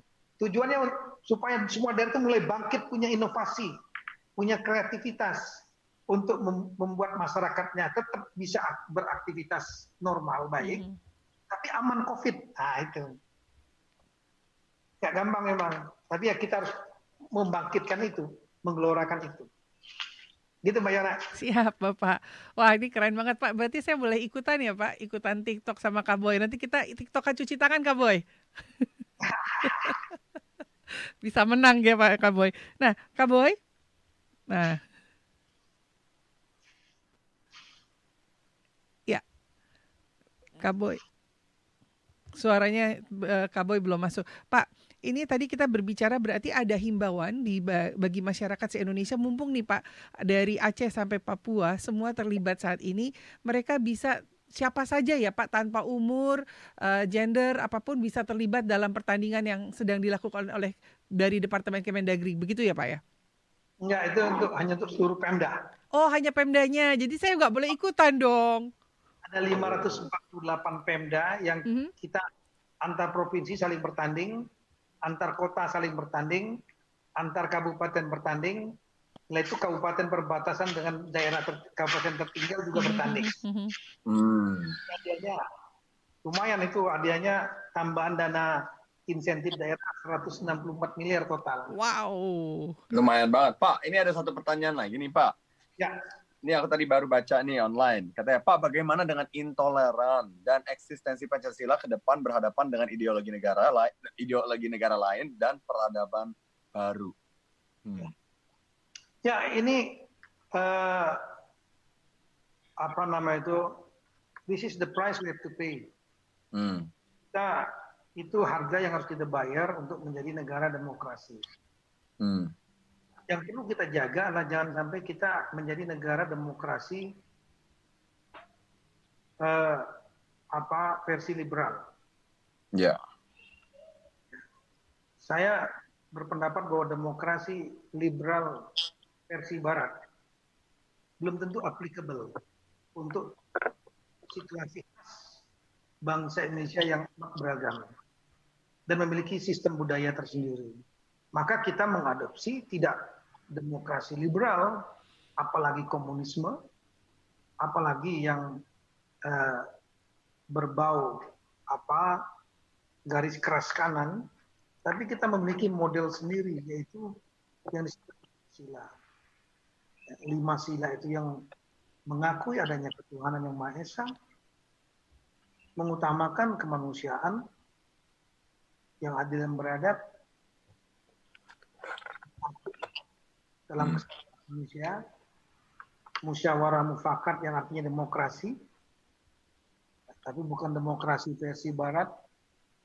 Yang kelima adalah uh, social justice, bilang itu yang disampaikan oleh Bung Karno dalam PBB dengan kata-kata yang sangat singkat lima sila itu.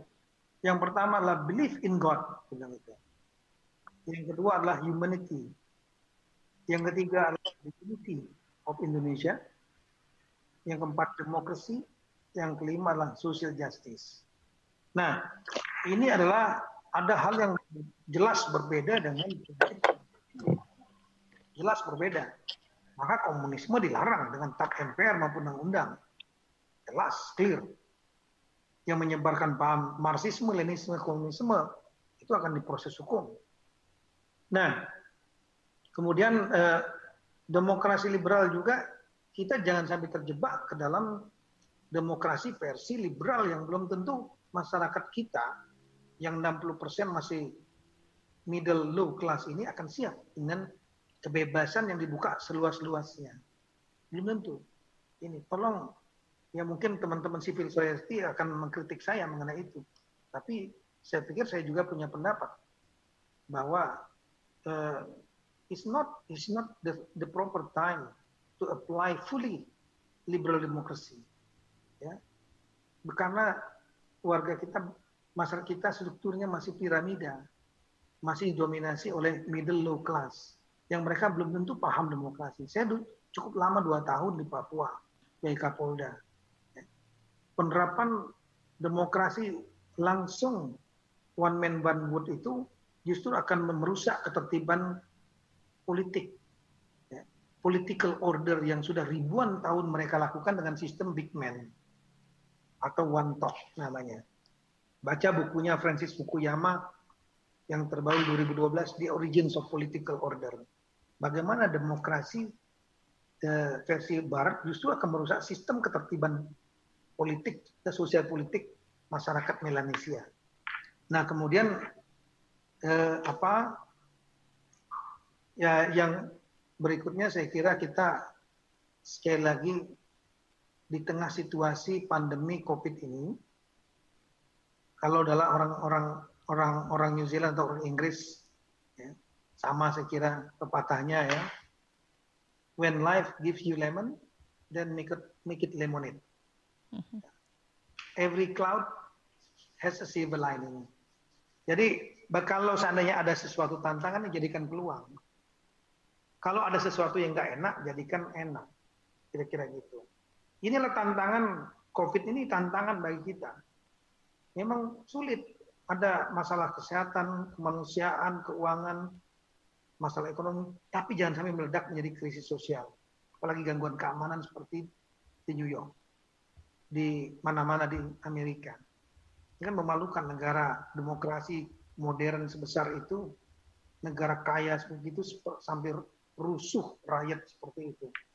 Nah, kita harus ingat eh, kalau kita berpegang pada azas Pancasila, kebersamaan, persatuan, gotong royong, kita menyadari bahwa kita semua uh, mengakui ada yang mengatur kita yang yaitu Tuhan yang Maha Kuasa bagi orang Islam menyadari bahwa Islam adalah uh, memberikan rahmat bagi semua umat manusia tanpa membedakan suku agama ras. Mm -hmm.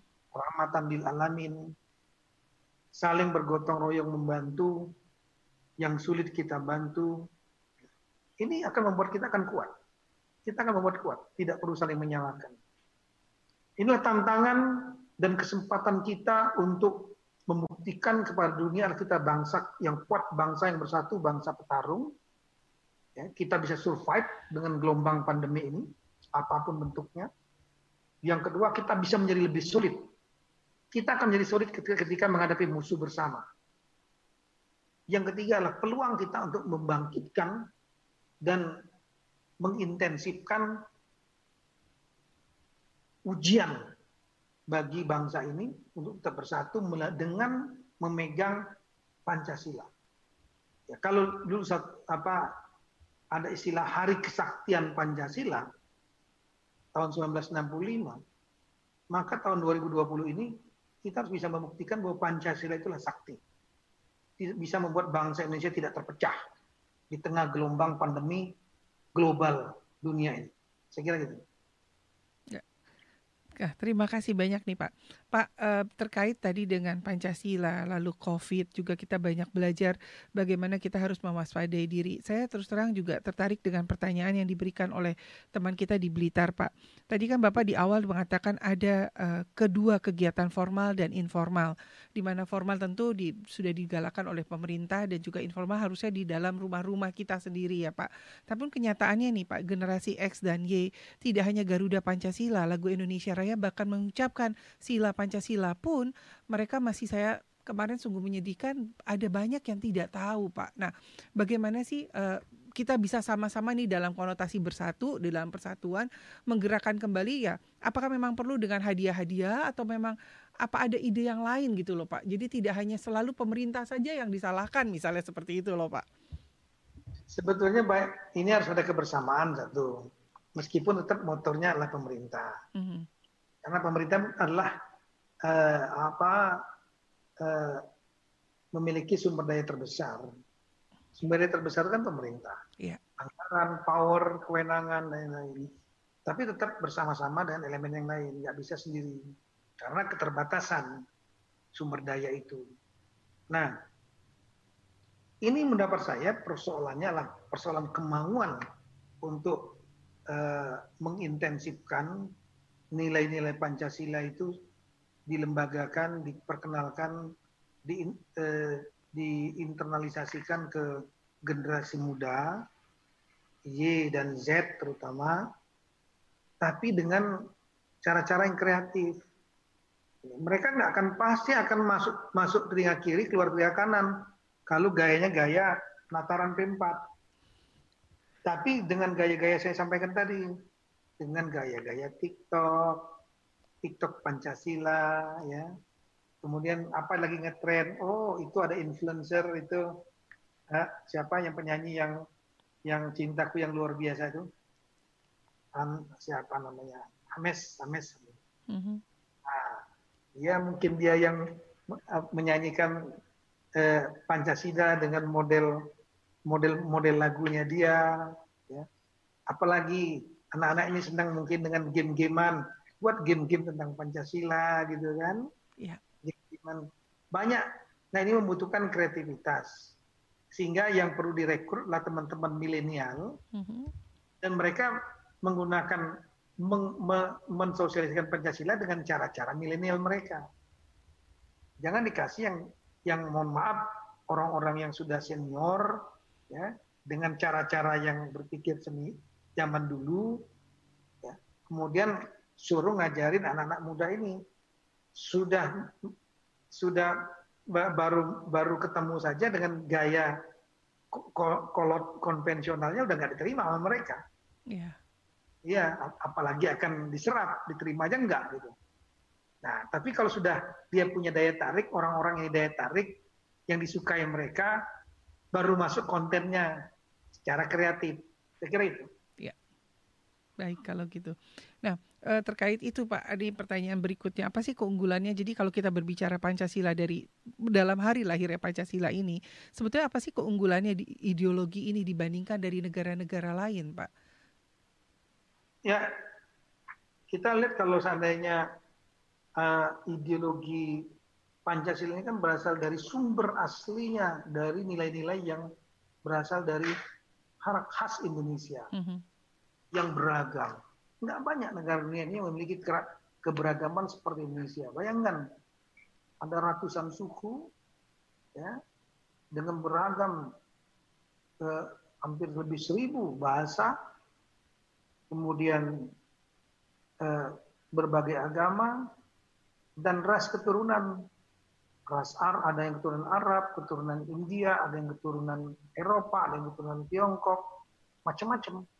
Itulah keniscayaan bagi bangsa kita. Enggak banyak bangsa yang memiliki keragaman yang seluas seperti Indonesia. Bayangkan saja ya, saya pernah menemani Bapak Presiden Jokowi menerima Presiden Afghanistan di istana. Presiden Afghanistan menyampaikan pujian kepada Indonesia. Hebat sekali Indonesia dengan ratusan suku, perbedaan agama, perbedaan keturunan ras, tapi masih bisa hidup harmoni, aman damai, nggak ada ledakan-ledakan. Sementara di Afghanistan yang hanya hanya ada tujuh suku, dan hampir 90-an persen, 98 persen adalah, mohon maaf, satu agama, Islam. Merdeka 1917, lebih dulu jauh daripada Indonesia 1945. Tapi sampai hari ini, ya bom bunuh diri jalan terus. Sebentar bom bunuh diri, bom bunuh diri. Sehingga berita bom bunuh diri itu bukan lagi suatu yang luar biasa. Ya bom bunuh diri seperti kasus pencurian kendaraan bermotor aja jadinya Kira-kira begitu. Nah, karena keberagaman Indonesia luar biasa inilah ya, diambillah oleh Bung Karno nilai-nilai asli Indonesia yang kemudian diformulasikan ke dalam Pancasila untuk menjadi dasar pijakan negara sebagai perjanjian bersama kita dalam membentuk negara. Kalau dasarnya ini kemudian tidak disepakati, negara ini bubar. Kira-kira begitu kita mengenal ketuhanan yang beda dengan negara-negara demokrasi maupun negara-negara komunisme yang mereka nggak mengenal prinsip ketuhanan, ketuhanan urusan pribadi masing-masing. Tapi negara kita mengatur. Karena mengenal setiap orang harus memeluk agama. Di dalam KTP-nya ada agama. Dan seterusnya. Eh, dokumen-dokumen lain ada agama, dokumen negara soal keagamaan diatur oleh negara. Soal untuk uh, masjid, gereja, diatur negara. Dan kemudian kita melihat uh, apa prinsip-prinsip kemanusiaan itu hal yang mendasar karena menyangkut masalah human rights, prinsip persatuan dalam keberagaman jelas itulah bagian yang sangat penting. Kalau kita nggak bersatu ya pecah prinsip musyawarah mufakat itulah prinsip dasar demokrasi. Dan terakhir keadilan sosial, social justice itulah prinsip-prinsip dasar juga untuk untuk ideologi demokrasi. Tapi kita tidak mengadopsi demokrasi liberal yang penuh, yang tanpa batas. Saya kira itu. Siap, Jadi itu membedakan itu membedakan antara eh, apa ideologi kita dengan ideologi yang lain. Hmm. Berbeda ideologi khilafah misalnya yang hanya berprinsip pada satu landasan keagamaan itu akan memecah bangsa. Terima kasih. Ya, wow. Uh, ini merupakan suatu kebanggaan kita lahir di tanah Republik Indonesia ya Pak dengan keragaman dengan kehadiran yang kita harusnya bangga karena kita tidak pernah minta dilahirkan di Indonesia tapi kita menjadi bagian bangsa Indonesia ya Pak. Saya setuju sekali dengan ini Pak. Ayo Kak Boy, ada lagi nggak nih Yo. yang mau ditanya ini sebelum waktu kita ada habis ini. dengan Bapak? Jadi jadi kebetulan nih Pak Tito di samping ada tim aku yang selalu dari tadi ngecek ngecek ngecek ada pertanyaan baru apa aja nih ya. Dan ini ada pertanyaan nih dari uh, satu orang dan menurut aku bagus juga nih. Apa pentingnya sih Pak jajaran Badan Kesatuan Bangsa dan politik di daerah provinsi, kabupaten, kota bagi Pak Tito? Dan apa harapan dan arahan untuk Kesbangpol untuk menjalani new normal di daerah masing-masing? Hmm. Ya, tugas utama daripada Kesbangpol itu kan di dalam apa nama itu uh, sistem perundang-undangan kita itu ada urusan-urusan mutlak yang ditangani pemerintahan pusat seperti politik kemudian uh, pertahanan keamanan, kemudian uh, justisi, masalah moneter dan fiskal, itu. Kemudian ada juga urusan pemerintahan yang diserahkan kepada wilayah atau namanya didesentralisasikan. Nah, sebagai, kemudian ada juga urusan pemerintahan umum, ya, termasuk masalah eh, apa membina wawasan kebangsaan dan persatuan-persatuan bangsa ini harus dijaga. Dan dijaganya nggak boleh dijaga oleh uh, satu daerah saja, tapi harus kompak semua daerah, semua harus menjaga, pusat pun jaga. Maka ada jaringan untuk menjaga ini. Kalau di Kemendagri ada Direktur Jenderal khusus politik dan pemerintahan umum. Ya. Nah, ini juga dalam konteks dengan Pancasila satu-satu bangsa salah satu partner utamanya lah BPIP yang sekarang mm-hmm. baru didirikan. Nah di daerah ini memang kakinya atau jaringannya adalah Kesbangpol. Tugas utama teman-teman di Kesbangpol ini menjaga stabilitas politik daerah masing-masing, menjaga nilai-nilai persatuan nilai-nilai Pancasila itu tetap diaplikasikan dan diintensifkan, didorong agar negara tidak goyah. Karena ini dasar, dasar negara. Ibarat rumah itu pondasinya. Pondasinya harus rame-rame dijaga.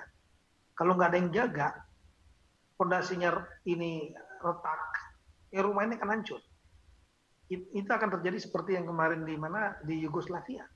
Siapa yang menyangka Yugoslavia bisa pecah menjadi negara-negara kecil? Siapa nyangka Uni Soviet yang sedemikian powerful, militernya hebat, uangnya banyak, ya, ini pecah menjadi Rusia negara-negara kecil lainnya. Sekarang seperti Uzbekistan, Turkmenistan, Kazakhstan, semua pecah. Ukraine, itu. Kita tidak ingin Indonesia ini pecah menjadi negara-negara itu. Dulu pernah diprediksi Indonesia akan pecah. Setelah Soviet, Balkan, Indonesia. Tapi alhamdulillah alhamdulillah remaining intact, masih survive, masih tetap utuh sebagai bangsa. Kenapa? Salah satunya kekompakan kita yang diikat dengan dasar yang kokoh, yaitu Pancasila. Maka ini Pancasila ini harus kita harus apa? Terus dengungkan, aplikasikan dalam semua bidang. Jangan sampai ada konflik di antara kita, karena konflik itu tidak sesuai dengan nilai Pancasila terutama konflik yang yang yang apa uh, anarkis ya yang mm -hmm. yang membuat terjadinya korban yang lain ya, konflik biasa tapi tidak boleh meledak. Perbedaan biasa. Nah di sini harus dirawat. Dirawatnya siapa? Kalau unsur pemerintah yang paling utama itu adalah tadi jajaran-jajaran Kesbangpol, jajaran uh, politik pemerintahan umum, Polhukam, Kemendagri, BPIP, Badan apa Pembinaan Ideologi Pancasila dan lain-lain. Ini harus diperkuat terus-menerus. Nah, sambil juga masyarakat diajak. Tapi masyarakat ini kan cair mereka. Ada yang militan, ormas-ormasnya, nah itu diajak militan nih. Yang cair lebih cair lagi, mereka harus disentuh. Tidak dengan cara indoktrinasi seperti ini masuk dalam kurikulum atau non kurikulum atau dengan cara-cara tadi gaya-gaya sesuai dengan segmen usianya, gaya milenial misalnya itu. Bisa melalui seni, melalui budaya, melalui olahraga. Milenial itu kalau saya tidak salah surveinya mereka nomor satu sukanya olahraga kalau saya tidak salah. Kedua adalah uh, film kalau tidak salah. Ketiga adalah musik gitu. Nah, mulai tiga segmen ini nilai Pancasila dimasukkan dengan ya dengan gaya-gaya yang milenial lah. Saya kira gitu. Oke. Okay. Wah, terima kasih banyak Pak Tito. Senang sekali uh, di dalam hari lahirnya Pancasila kita bersama-sama dengan Bapak. Bapak, tidak terasa ya Pak kita ngobrol panjang dan saya senang sekali dan saya yakin masyarakat Indonesia juga bersyukur banyak sekali pencerahan dan ilmu yang kita dapat pada pagi hari ini. Terakhir Bapak, ada pesan khusus gak buat bangsa Republik Indonesia? Tidak hanya untuk Kasbongpal provinsi saja ya Pak, tapi untuk kita semua yang ada di Indonesia. Silakan ya. Pak. Sekali lagi saya ingin menekankan bahwa kita sedang menghadapi tantangan sangat besar yang menentukan survive-nya bangsa, yaitu pandemi COVID-19 yang dihadapi dan melanda semua negara dunia. Kita harus bisa membuktikan bahwa bangsa Indonesia harus bisa survive. Kita harus bisa tetap berproduktif, tetap beraktivitas, tapi tetap aman COVID. Oleh karena itu yang paling utama sekali mari kita buat gerakan nasional untuk pakai masker bagi masker. Gerakan cuci tangan baik dengan air sabun hand sanitizer dan bagikan hand sanitizer baik pemerintah oleh maupun masyarakat lain yang mampu bagi yang mereka tidak mampu dan kemudian eh, perbanyak tempat cuci tangan air sabun sebanyak-banyaknya di ruang publik, bantu masyarakat, saling bantu masyarakat yang sedang kesulitan. Kita tidak ingin menjadi krisis sosial dan keamanan. Kemudian yang ketiga, membuat masing-masing menjaga diri untuk tetap menjaga jarak minimal 2 meter satu sama lain kalau tidak perlu, tidak perlu melakukan ikut dalam kegiatan-kegiatan kerumunan sosial yang tidak bisa menerapkan jaga jarak, pemerintah pusat maupun daerah maupun masyarakat juga mengatur eh, tanda-tanda eh, jaga jarak itu. Nah itu kita bisa survive karena itu di semua bidang kehidupan. Yang terakhir, pandemi ini sekali lagi adalah ujian bagi kita semua. Bukan hanya ujian kepada pemerintah, bukan hanya ujian kepada uh, pemimpin, baik pemimpin nasional maupun pemimpin daerah, tapi ujian bagi seluruh bangsa kita untuk kita bisa bangkit bersama-sama, membuktikan bahwa kita adalah bersatu sebagai bangsa, dan kita harus bisa menggunakan momentum ini sekali lagi dalam konteks Pancasila membuktikan bahwa Pancasila itu betul-betul sakti karena kita kesaktiannya akan teruji kalau kita bisa lewat dari pandemi ini. Jadi ujian yang kedua bagi Pancasila. Kalau tahun 65 ada ujian kesaktian Pancasila yang diperingati Hari Kesaktian Pancasila, sekarang juga kita kita mendapat ujian baru untuk Pancasila. Kita buktikan bahwa Pancasila itu betul-betul juga sakti untuk membuat negara kita tetap utuh, tetap bersatu, NKRI tidak goyah, ya, dengan kebersamaan kita menghadapi pandemi uh, eh, COVID-19. Saya kira itu Mbak Yona. Terima kasih ya. banyak Mas Boy. Terima kasih banyak Bapak. Bapak, uh, acara ini kita selama bersama-sama ini tentu adalah acara nasional ISMI. Saya berterima kasih Bapak. Acara ini merupakan kerjasama dengan Kemendagri khususnya di Jen Polpum Bapak. Jadi selama ini kami sudah bersiaran, sudah hampir tiga bulan dan kita akan terus bersama-sama menggerakkan nilai-nilai nasional melalui Kemendagri dan Dirjen Polpum yang juga dengan Yayasan Bentang Merah Putih Bapak. Terima kasih banyak Bapak untuk waktunya. Salam hormat. Salam Pancasila Bapak. Assalamualaikum warahmatullahi wabarakatuh. Terima kasih banyak dan salam Pancasila. Salam Pancasila. Terima kasih. Ya. Kaboy, tentunya masih di sana Kaboy ya. Oke, kita sama-sama mengucapkan terima kasih untuk Universitas Tarumanegara yang saat ini bersama-sama dengan kita mengikuti dari tadi pukul 10 hingga pukul ya. 12 Kak Boy. Nah, namun minggu oh. lalu kita ada Universitas Pelita Harapan Kak Boy. Sudah ada ya. tiga ya. nama pemenang. Boleh disebutin Kak Boy pemenangnya Boleh, siapa aja? Ini pemenangannya ada dari Wei Ming Ai dari Universitas Pelita Harapan. Selamat dapat uang tunai. Ada juga dari Brian Viraldi dan juga satu lagi ada Yedi Chanukemanu dari universitas yang sama. Kalian masing-masing dapat empat ratus ribu rupiah dipotong pajak. Congratulations. Yeay, Kaboy. Aku bilang terima Oi. kasih juga ya buat Kaboy luar biasa. Hari ini saya ditemani oleh seorang yang wow. Aduh, aduh, aduh terbalik kali aku yang belajar banyak dari Mbak Yolanda. Eh, itu kan. Oke, okay. jangan bosan-bosan ya. Nanti kita kapan-kapan ngobrol lagi lebih banyak lagi di Boleh. dalam kegiatan-kegiatan kita bersama-sama nakal tentunya Kak, nasionalisme radikal. Dan nasionalisme radikal ini ada suatu kegiatan yang di, dimulai dari foundernya Kak Yosi Mokalu. Gak jauh beda pasti temannya Kak Boy juga ini tentunya ya. Beliau meniakan nilai-nilai nasionalis yang artinya radikal kembali kepada akarnya Kak.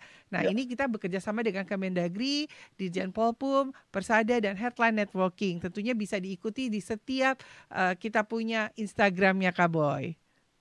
Oke, siap. Kak Boy mau ada ada yang ingin disampaikan terakhir buat teman-teman kita semua se Indonesia?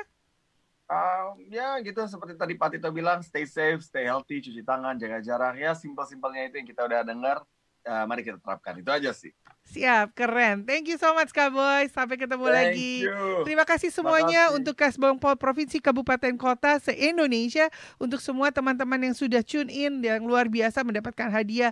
Ada gimmick, ada hadiah-hadiah 400 ribu rupiah untuk Universitas Tarumanegara. Dan tentunya kita akan ketemu kembali pada Senin yang mendatang pukul 10 sampai dengan 11 dalam program nasional ISMI. Salam Bye. Pancasila. Bye.